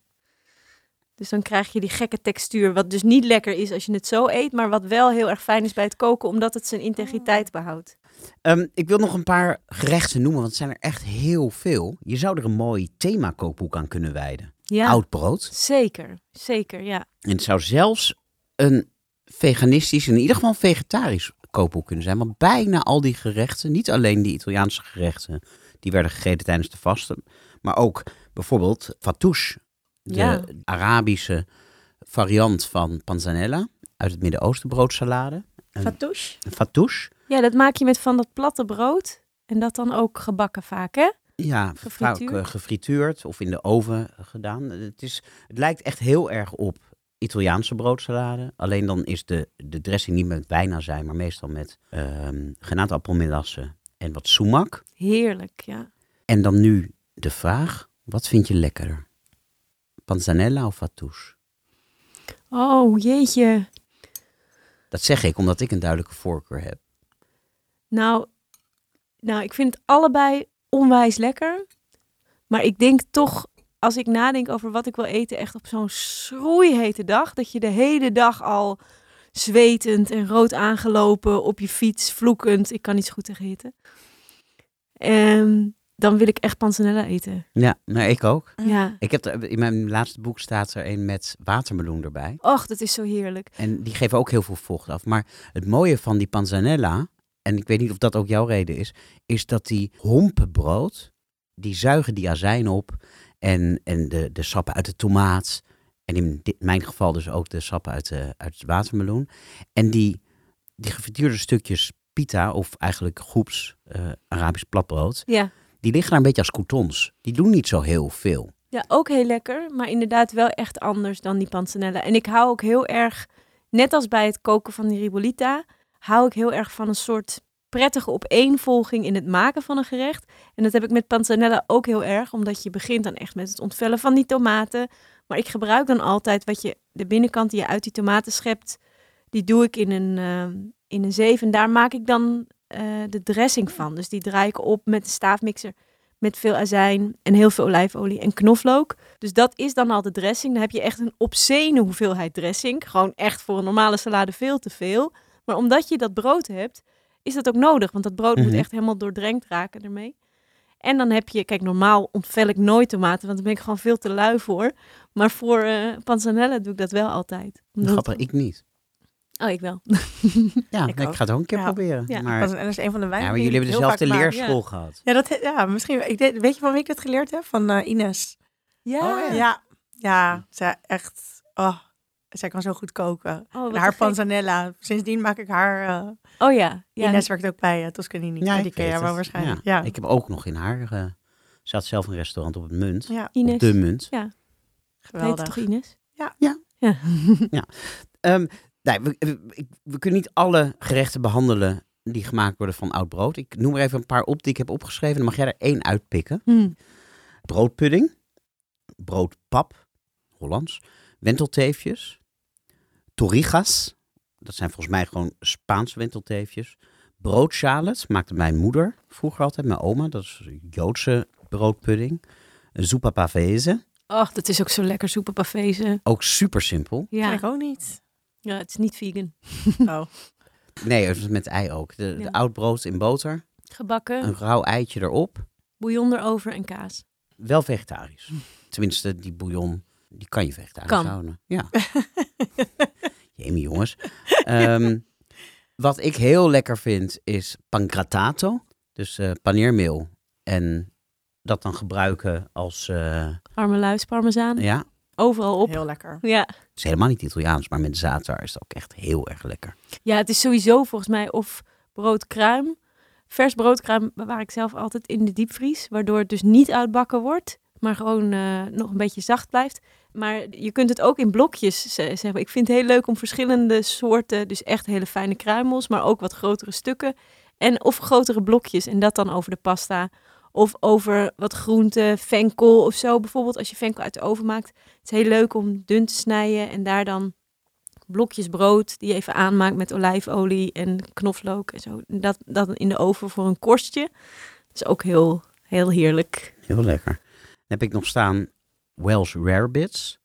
Dat is eh, Een soort ubertosti. ja, een soort kaassaus over een boterham. Ja, je maakt de Welsh rarebit maak je met, eh met bechamelsaus en Guinness. En dan heel veel kaas en dat gooi je over een boterham en dat bak je af. Oké, ik dacht dat het met eeuw was. Ik dacht Guinness echt, Oh, nou ja, Ehm. dat, dat, dat- ik heb het geleerd met Guinness, maar het zou kunnen dat het ook met ale gebeurt. nou ja, in ieder geval met bier dus. Ja, Guinness komt natuurlijk niet uit Wales, dus dat zou eigenlijk logischer zijn wat jij zegt. En dan heb ik hier nog staan kwas uit Oost-Europa en kneudel. Die oorspronkelijk volgens mij uit Tsjechië komen, maar vooral in Oostenrijk en Duitsstalige landen heel populair zijn. Het zijn een soort eh, ja, knoedeltjes van brooddeeg. Eh, ook heel lekker. Kwas is broodbier. Veel uit Oost-Europa en, eh, en Rusland. Dus een bier wat je maakt met brood en wat extra gist. En daar kun je een soort halve frisdrank, half, al- er zit een klein beetje alcohol in, maar heel weinig. Hoe smaakt dat? Het is oké. Ze kijkt niet fijn. Het is geen wijn. ja, Oh, nou leuk dat we het doen. het Vooral is, daar eh, laten. Ja, precies. Nee, het is, het is oké. Het smaakt echt een, nou ja, het smaakt een beetje naar nat brood Oh, met suiker. Lekker. Mm. Nee, ik denk mijn eigen, echt, eh, waar, wat echt een, een plekje in mijn hart heeft qua eh, oud brood. Omdat mijn moeder dat ook maakt. Wat jij ook vertelde van als je moeder het maakt dan. Dat is het broodschoteltje. Dus dat, maakt, dat maak je dus ook met volkoren van de Albert Heijn. Dik besmeerd met boter. Zelfgemaakte appelmoes ertussen. En dan ook nog boter erop. En dan een uur in de oven. Dat is ook Het ontzettend lijkt lekker. mij ontzettend niet lekker. Klinkt helemaal Het niet is lekker. onwijs lekker. Maar wordt het een soort tartatin? Het is heel knapperig. En omdat het volkorenbrood is, eh, is het ook ja, een beetje stevig van smaak. Gaat heel goed met die zure appel. En dus veel boter. Ja, dat is heerlijk. Maar voor iemand die niet heel erg van appelmoes houdt, is het ook lekker? Blijft het appelmoes of krijgt het een nieuwe smaak en structuur? Nee, het smaakt wel heel erg naar appelmoes. Oké, nou ja, dan laat ik die even voor wat het is. En eh, laten we het hoofdstuk oud brood ook voor wat het is. Ja, Of wil je nog iets zeggen over oud brood? nee, ik wil gewoon iedereen aanmoedigen om hun brood te bewaren en er dingen van te maken. In Den Haag hadden ze een heel groot probleem met oud brood. Want daar wonen heel veel moslims in Den Haag. In alle grote steden, maar ook in Den Haag. En in de Koran staat dat je brood niet mag weggooien. Tenminste, niet in je prullenbak, maar wel op straat. Ja, aan de vogels. Ja. Ja, maar ook gewoon in de bosjes, als het maar wordt opgenomen door de aarde. Mhm. En op een gegeven moment liepen de ratten ongegeneerd over straat. Die waren zo mak geworden door de hoeveelheden brood. ja. Dat er nu in Den Haag meer dan twintig containers staan om je oude brood in te gooien. Ja, maar brood wordt sowieso door mensen het allermeeste weggegooid. Het is echt obscene hoeveel Ja, maar dat er- wordt dus dan vergist tot bio. Ja, tot biomassa. Nou, dat, is, dat is beter dan wat we hier bijvoorbeeld... Ik weet dat... Ik heb er voor het parool een keer een stuk over geschreven. Dat, ik geloof dat in Amsterdam wordt elke dag zoveel brood weggegooid... als er, geloof ik, in Weesp en Diemen bij elkaar wordt geconsumeerd. Er wordt ontzettend veel brood weggegooid. Terwijl je kunt er zulke leuke dingen mee doen. Ja, want dat het oud wordt, dat is niet raar. Want dat is ook dat voorbeeld net in, in Toscanini. Weet je, de- je mag ook bij de, bij de bakker vaak niet één sneetje kopen. Dus je houdt vaak veel over. Alleen je kan er dus heel veel mee. Ja, het is ook een beetje het probleem van brood in plastic zakken gaat schimmelen. En dan moet je het natuurlijk wel weggooien. En wat vinden we van brood in de vriezer? Prima. Nog niet? Ja, Ja. Nee, ja dat sowieso. Maar Ja. dat, je hoeft het natuurlijk niet oud te laten worden. Nee, Het is nu wel het thema. Maar dat nee, maar in de vriezer wordt het ook oud. In de vriezer wordt het ook uitbakken. Dan moet je er ook daarna... Dan krijg je ook een beetje die textuur. En het is Ja. lekkerder als je het dan even... Jawel, maar het gaat niet schimmelen. Maar het gaat niet schimmelen, nee. Zijn we aangekomen bij het volgende deel van de Wingen Lekkerback. Namelijk de restaurantrecensie. Vanwege dit onderdeel van de podcast durfde ik jou eigenlijk niet uit te nodigen hier. Want ik dacht, ja, ik- jij gaat al eens per week ga je naar een restaurant om dat te recenseren. En bovendien ga ik al naast jou zitten om in een restaurant te beoordelen. Hoe aanmatigend is dat dan? Maar toen bood je jezelf min of meer aan onder een post op Instagram. Zo van, hé, wanneer mag ik nou eindelijk een keer komen? Ja, want ik vind het een leuke podcast. Ja, en toen dacht ik, nou, dan kan je het misschien combineren. Maar dat vond je helemaal geen goed idee. En dat begreep ik ook wel. En eh, toen op de dag dat de nieuwe winkel, restaurant in Nijmegen, in Barcelona werd uitgeroepen tot beste plantaardige restaurant in de wereld. Precies op die dag zei jij, nou, als je me daarheen meeneemt, dan ben ik je vrouw. Ja, want ik was daar dus nog nooit geweest bij de nieuwe winkel. Dat was echt eh, zoiets wat al heel lang op mijn lijstje stond, maar waar ik... eh, Maar hoe komt dat dan? Want je kan zelf kiezen waar je heen gaat. Ja, zeker. Nee, maar wat het bij de nieuwe winkel heel erg was, is mijn voorganger bij de Volkskrant, Mac van Dinter, die heeft die recensies meer dan twintig jaar geschreven. En die heeft de nieuwe winkel echt eh, ontdekt, zeg maar, als eerste recensent die daar is gaan eten, toen ze nog net begonnen waren, toen er niemand kwam. Hij werd ook kind aan huis, hè? Hij, was ja. volgens mij elke week in dat voedselbos te vinden. Nou, hij, hij is, de, de, de nieuwe winkel werkt veel samen met, eh, eh, met het Voedselbos, eh, Ketelbroek. En daar heeft Mac ook een boek over geschreven. Hij is in zijn laatste ronde restaurants is hij er nog een keer naartoe gegaan om er te eten. Hij heeft er gewoon best veel over geschreven, dus het voelde echt een beetje als zijn zaak. Ehm, dus ik was er inderdaad nog nooit geweest. Ik dacht wel steeds, ik wil gewoon een keer voor mezelf daarheen gaan. Omdat ik natuurlijk ook zag dat er echt fantastische dingen gebeurden op groentegebied. Eh, toen kregen ze een ster. Een jaar daarop kregen ze nog een ster. Dus eh, ik stond eigenlijk al heel lang te popelen. En toen op een gegeven moment toen was het er zo druk dat ik dacht, ja, dan kom ik er natuurlijk nooit meer tussen. Dus toen jij zei, eh, ja, kunnen we niet een keer ergens gaan eten? En ze kregen die prijs, dacht ik, nou, misschien dat Yigal wel iets kan hosselen. Nou, en ik kende Emiel nog, want ik ben een keer voor televisie eh, met hem naar zijn voedselbos gegaan. Dat is echt op de grens met Duitsland in Goesbeek.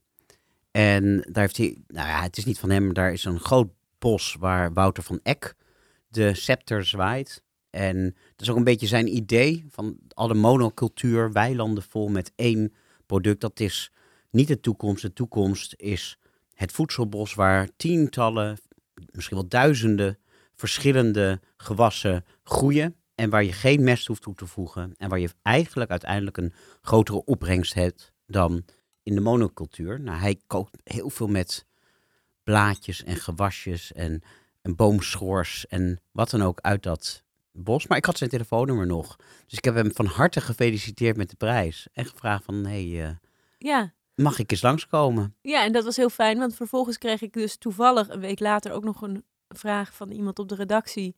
Of ik nou niet eindelijk een keer iets moest schrijven over dat wereldberoemde veganistische Oh, dat restaurant heb jij niet in eens Nijmegen. aangezwengeld. Nee, dat werd me gevraagd.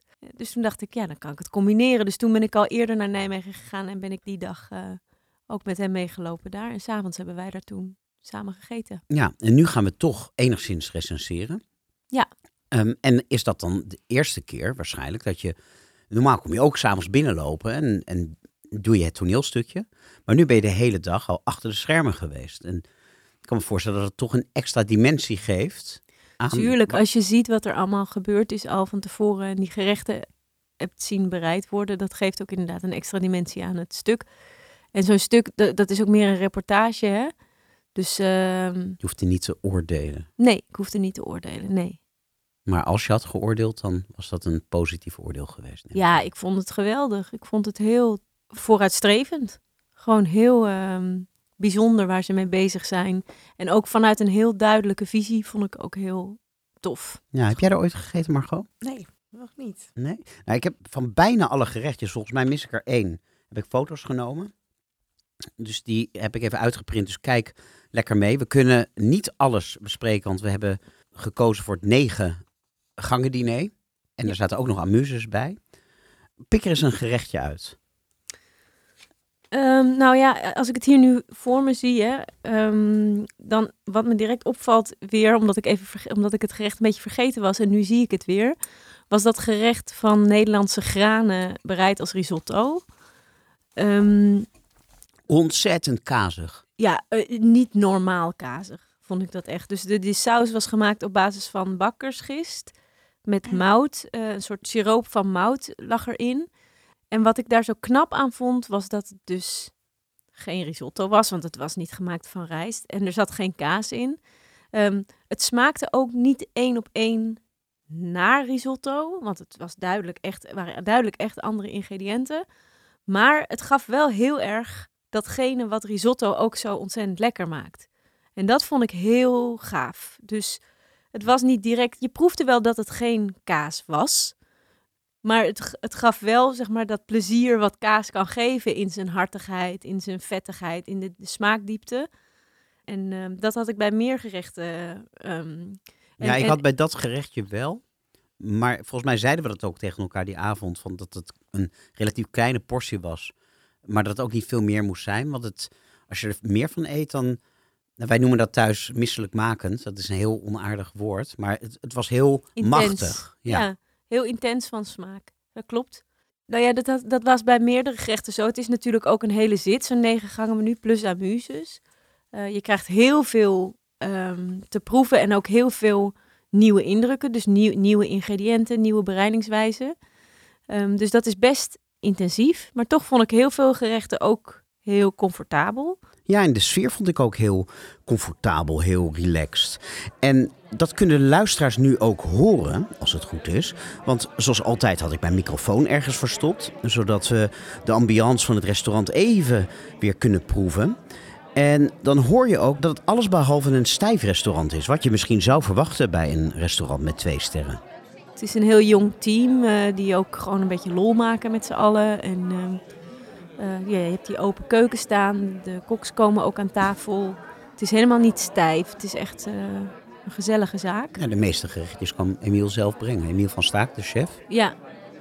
En um, ik hoorde van jou dat, want jij was er dus al eerder, dat in de, in de pep talk voordat uh, de gasten kwamen, er werd gezegd: uh, niet te lang praten over de gerechten, niet te interessant doen, houd heel kort.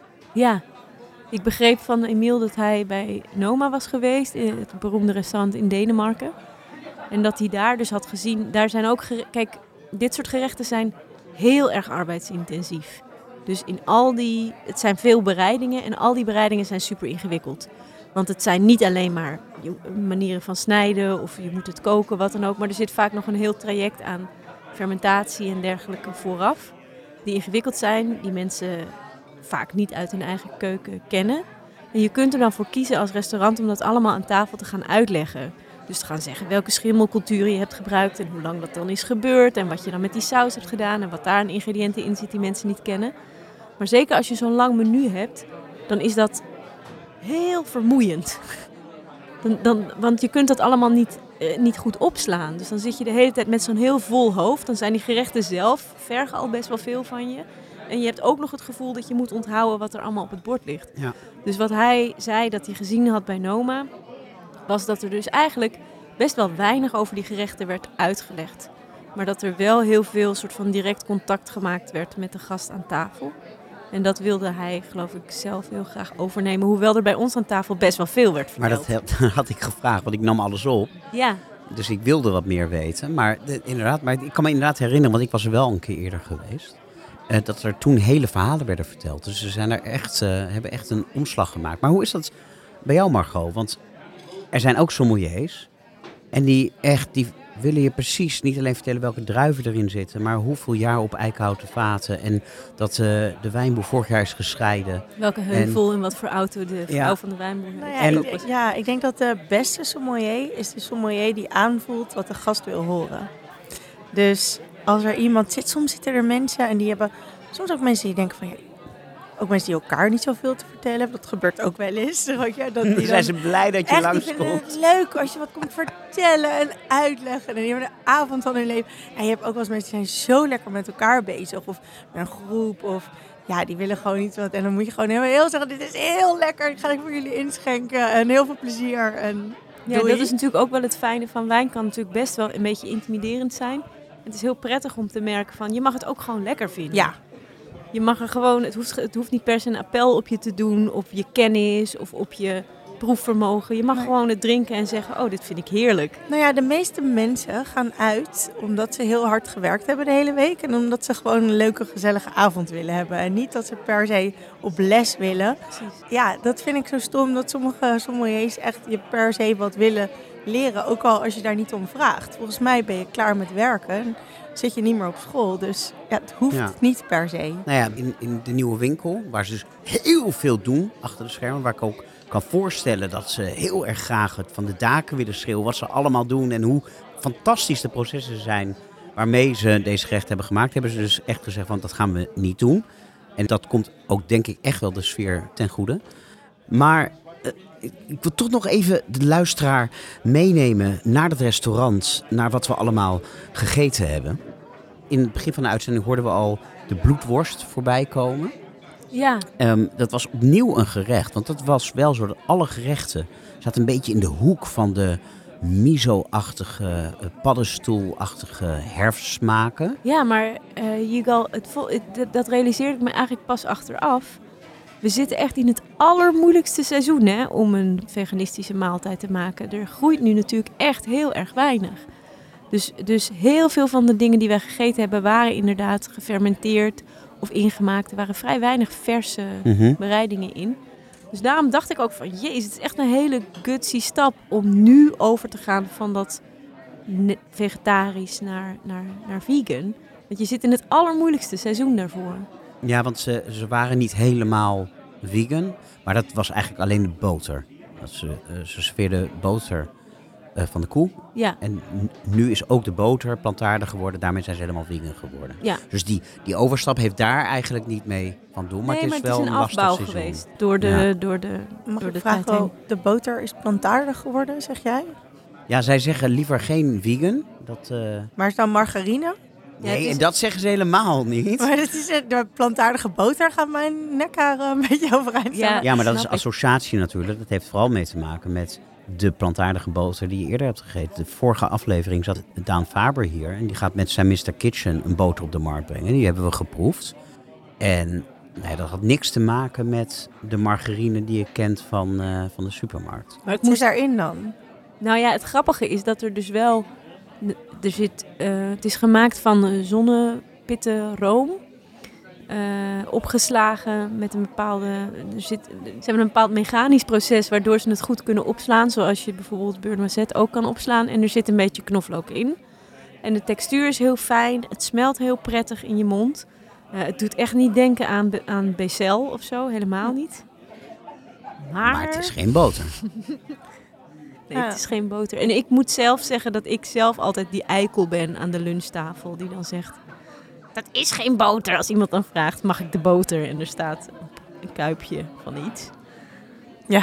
Maar eh, nee, ze noemen het daar dus boter zonder zuivel. En ze maken het zelf. Het is echt lekker. Maar het is geen boter. Lijkt het dan een beetje op zo'n cashewboter? Nee, nee, echt niet. Het is echt eh, heel luchtig. Oké. Dus, de, dus ik vind vaak van, toch best wel vaak van plantaardige melken en dingen in patisserie en, eh, en vetten en zo, dat het best wel zwaar is. Maar dit was heel luchtig opgeslagen, was echt lekker. Je had het net over Noma. En Noma was natuurlijk heel erg in het nieuws vanwege de voorgenomen sluiting over 600 jaar. Maar iedereen is er nu mee bezig. Maar ook vanwege de argumentatie die René Redzepi gaf waarom hij gaat stoppen. Namelijk dat het niet meer houdbaar is. Ja, En dat is toch ook wel iets waar ik over heb zitten denken nadat ik hier heb gegeten. Waar ik vond ook echt fantastisch in de zin van dat ik... Ja, het, is een soort theater waar je zit. En je valt van de ene verbazing in de andere. En je wordt op het verkeerde... Nou, niet verkeerde been gezet, maar je, ehm, je weet niet wat je proeft. En ehm, het is heel bijzonder, maar wel heel bewerkelijk. ja, Eh, Bijvoorbeeld hier ehm, was een kastanjepeper. En wat Emiel zei is dat de kastanjes, omdat ze zo zetmelig zijn en niet zo'n lekker mondgevoel geven daardoor, ehm, wordt er eerst tempeh van gemaakt. Nou ja, tempeh dat, dat is ehm, een proces van, van enkele weken. Daarna wordt het een aantal dagen op 60 graden bewaard. Dan wordt het zo langzaam zwart en verschrompelt het. En daardoor wordt het zetmeel van de kastanjes omgezet in suiker. Kleuren ze helemaal zwart en krijgt het zo'n prettig mondgevoel. Dat is dan één van de ingrediënten in die kastanjepeper. Ja. En nou ja, zo bestaat zo'n gerecht uit honderden handelingen. En ja, je kan je afvragen, is dat het echte koken? Is het het waard? Maar is dat het ook het... Want jij, jij vertelde wat er met jou gebeurde toen je die super simpele pasta at bij Toscanini. Ja. Is dat niet eigenlijk veel meer het echte koken? Veel lekkerder dan iets waar honderden handelingen aan zijn verricht en waar ze zo lang mee bezig zijn geweest. Nou ja, maar als je nadenkt over bijvoorbeeld het maken van pasta en het maken van olijfolie bijvoorbeeld, dat zijn ook best ingewikkelde processen. Daar moet je ook uh, granen voor telen, daar moet, moet je dan meel van maken. Weet je, dus, dus het opzoeken van nieuwe processen om dingen te doen met planten zijn in dit soort zaken bijna per definitie heel bewerkelijk, omdat je helemaal bij het rauwe product begint. Mhm. En dat hoeft natuurlijk niet altijd zo te gaan. Ik weet dat zij bijvoorbeeld voor die, we hadden het net even over die zonnepitroom. Ehm, die hebben ze in samenwerking met een bedrijf eh, dat weer is voortgekomen vanuit de Universiteit Wageningen. Dus dat maken ze niet zelf, omdat dat ook een heel bewerkt. Het maken van die room van zonnepit is ook een heel moeilijk duur proces, omdat je daar een hele dure machine voor nodig hebt. Dus je hoeft helemaal niet. Ik kan me voorstellen dat zeker zo'n zaak als dit, die echt de voorhoede vormt van hoe je nieuwe smaken en nieuwe bereidingen kan vinden zonder dierlijke producten. eh, Dat het niet altijd zo blijft. Dat dat soort dingen, en ik geloof dat Emiel van der Staak dat ook hoopt, dat het zich uitbreidt naar een productie die voor meer mensen toegankelijk is. Jawel. En ik denk Ja. ook wel dat die bewerkelijkheid waar het bij Noma om gaat. Kijk, als je kijkt naar wat Noma 20 jaar geleden deed, waren ze ook revolutionair in die zin dat ze dus alleen maar met lokale producten werkten. Vervolgens kwam dat fermenteren erbij. Dat is inderdaad heel erg bewerkelijk, want ze moesten het bos in om die dingen te plukken. Ze gingen allerlei nieuwe technieken bedenken, dat soort dingen. Maar als je kijkt naar hoe Noma nu is, dan is een heel groot deel van die bewerkelijkheid is ook gewoon hoe het op het bord ligt. Ehm, ik herinner me bijvoorbeeld een gerecht daar waarbij een langoustine helemaal uit elkaar was zeg maar, met de allerkleinste dingetjes uit de schaartjes op het bord gelegd. Dat is geweldig. Dat is super eh, luxe omdat het zo bewerkelijk is. Maar het is niet per se heel nodig voor het uitvinden van een nieuwe smaak. En dat is bij de gerechten van, eh, van de nieuwe winkel bijvoorbeeld, is dat wel zo.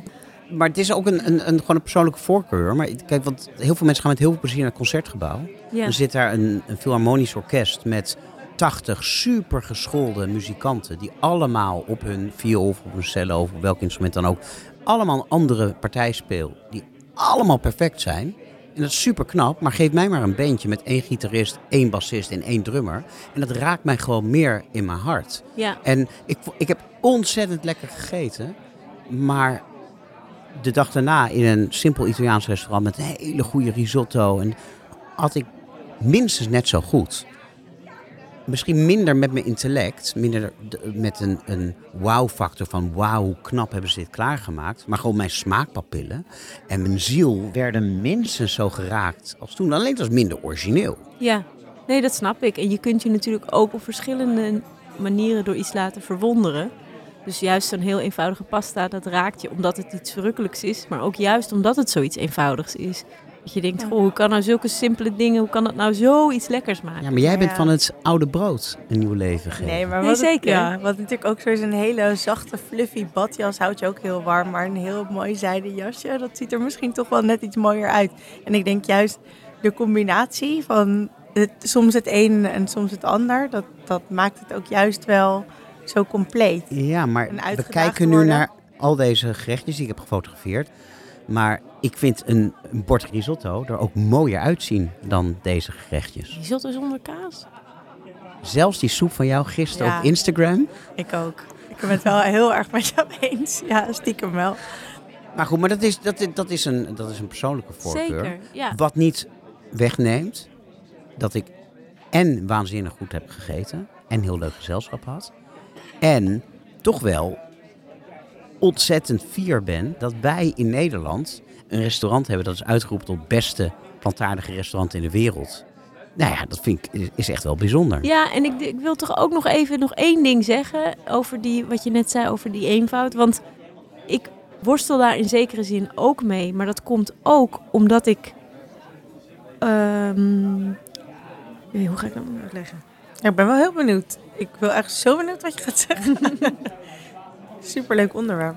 Nou, dat komt ook omdat ik eh, eh, vaak toch bij eh, gerechten met dierlijke ingrediënten een soort directere wauw heb dan bij plantaardige ingrediënten. Dat kan vanuit je cultuur komen, dat kan vanuit de evolutie komen, dat, dat komt door allerlei verschillende dingen. Maar eh, ik denk dat het feit dat er een restaurant is dat juist met die status van plantaardige ingrediënten op zo'n manier aan de slag gaat, dat dat waarschijnlijk beter gaat bij een eh, avant-garde restaurant zoals dit dan bij zo'n heel eenvoudige Italiaan. Dus het, het is ook het instappen op een, een soort ehm, hiërarchie waarmee er naar restaurants wordt gekeken. Je hebt haute cuisine en avant-garde en die hebben drie sterren. En die maken heel ingewikkelde dingen, vooral van dure vlees en vis. Eh, Als je kijkt naar de sterrenzaken in Nederland, dan heb je de tien meest voorkomende ingrediënten. Als je die wegstreept, blijft er niks van die menus over.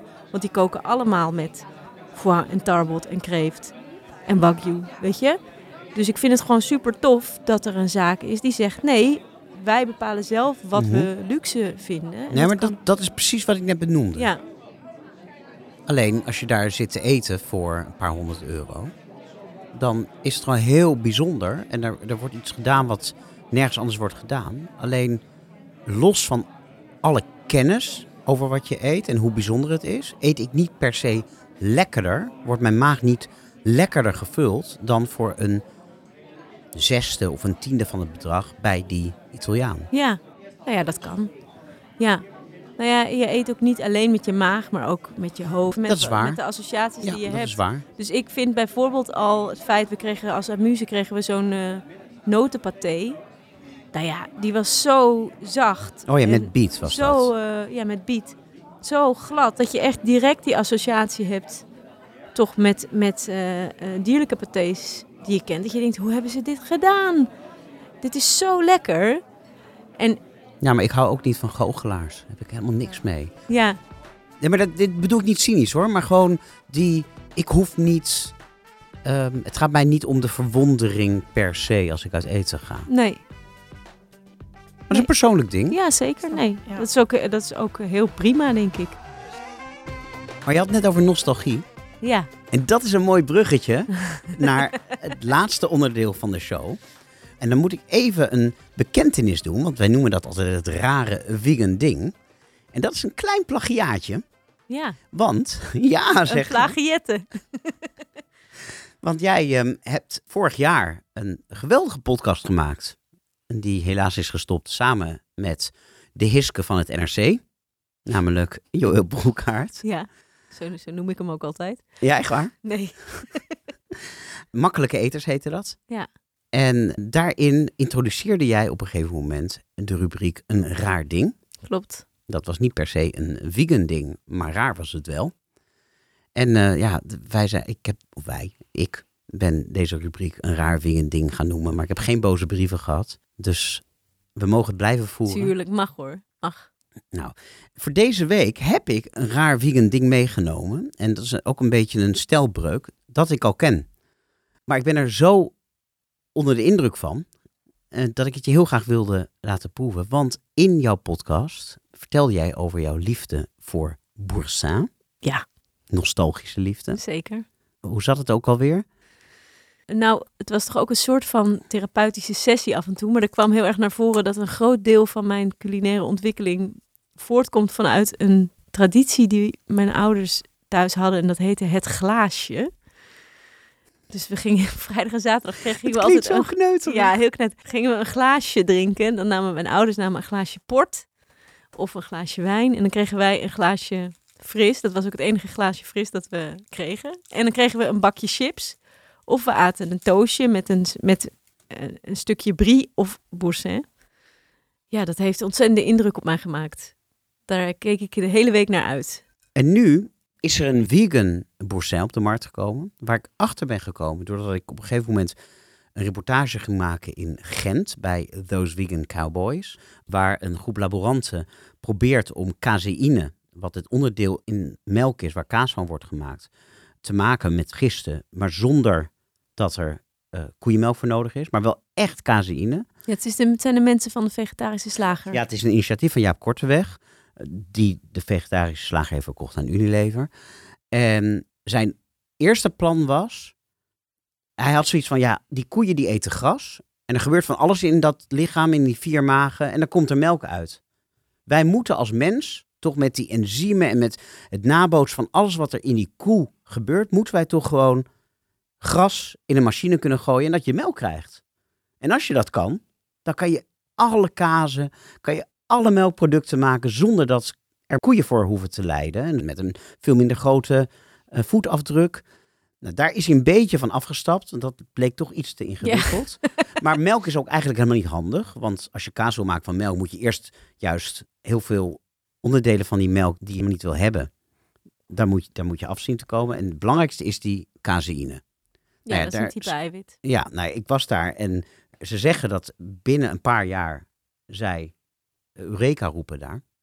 Maar goed, dat is allemaal terzijde. Op weg naar Gent ben ik even bij Jaap langs geweest. En gezellig met hem gebabbeld. En toen ik wegging, gaf hij me een bakje Garlic and Herb Affair van Wild Westland. Onder die vlag maakt hij in de tussentijd eh, plantaardige kaas. Ook om de zoektocht van Vegan Cowboys naar de heilige graal, die caseïne, te kunnen bekostigen. En dat gaat dus nog echt om, nou ja, laten we zeggen, ouderwetse imitatiekaas op basis van kokos. En een beetje sceptisch nam ik in de auto. Ik kreeg ook één zo'n plastic dingetje met Melba toast mee. Daar zitten er dan, zie ik nu, zes in. Ja, daar ben ik ook echt een voorstander van. En in de auto heb ik die besmeerd. En ik vond het zo lekker dat ik van de snelweg af ben gegaan.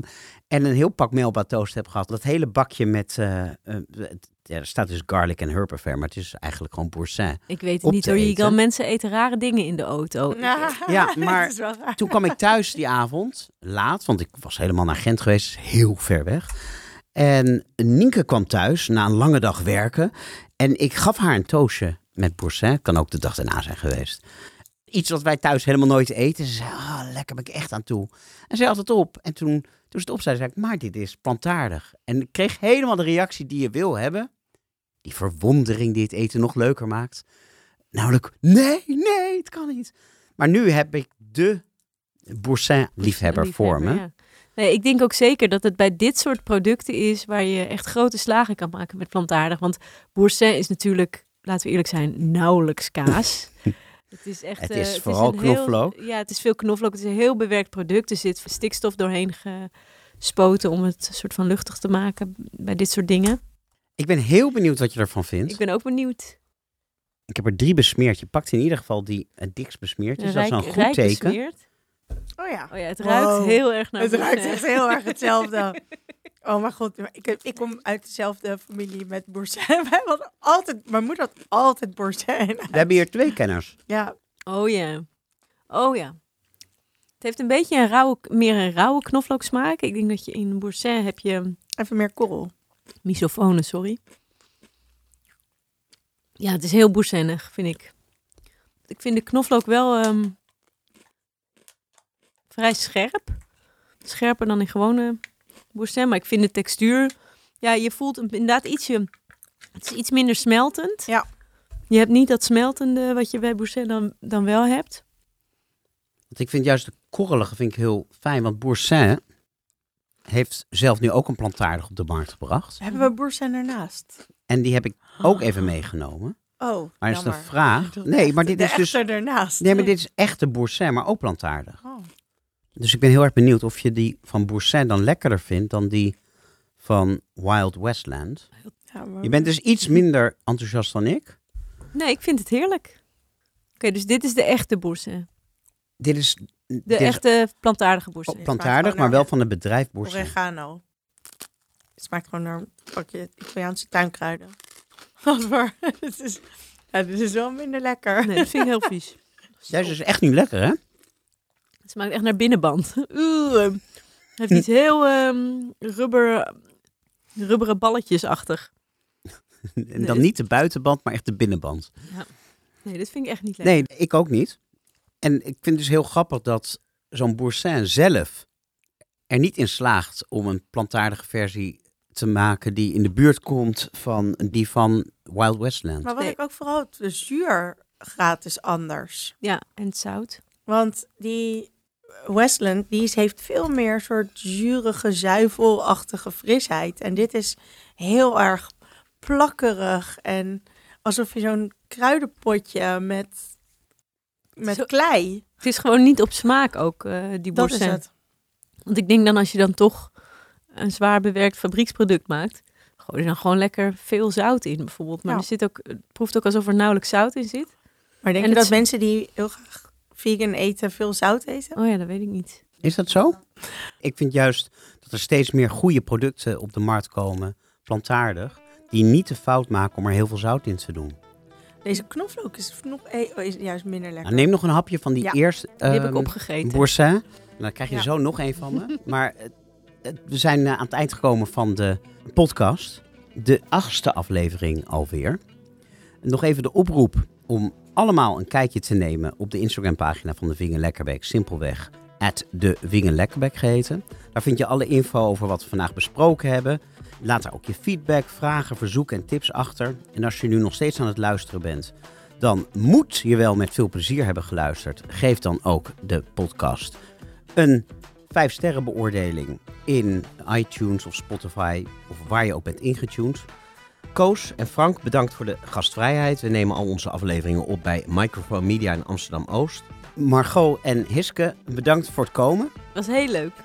Legaim. Legaim. Legaim.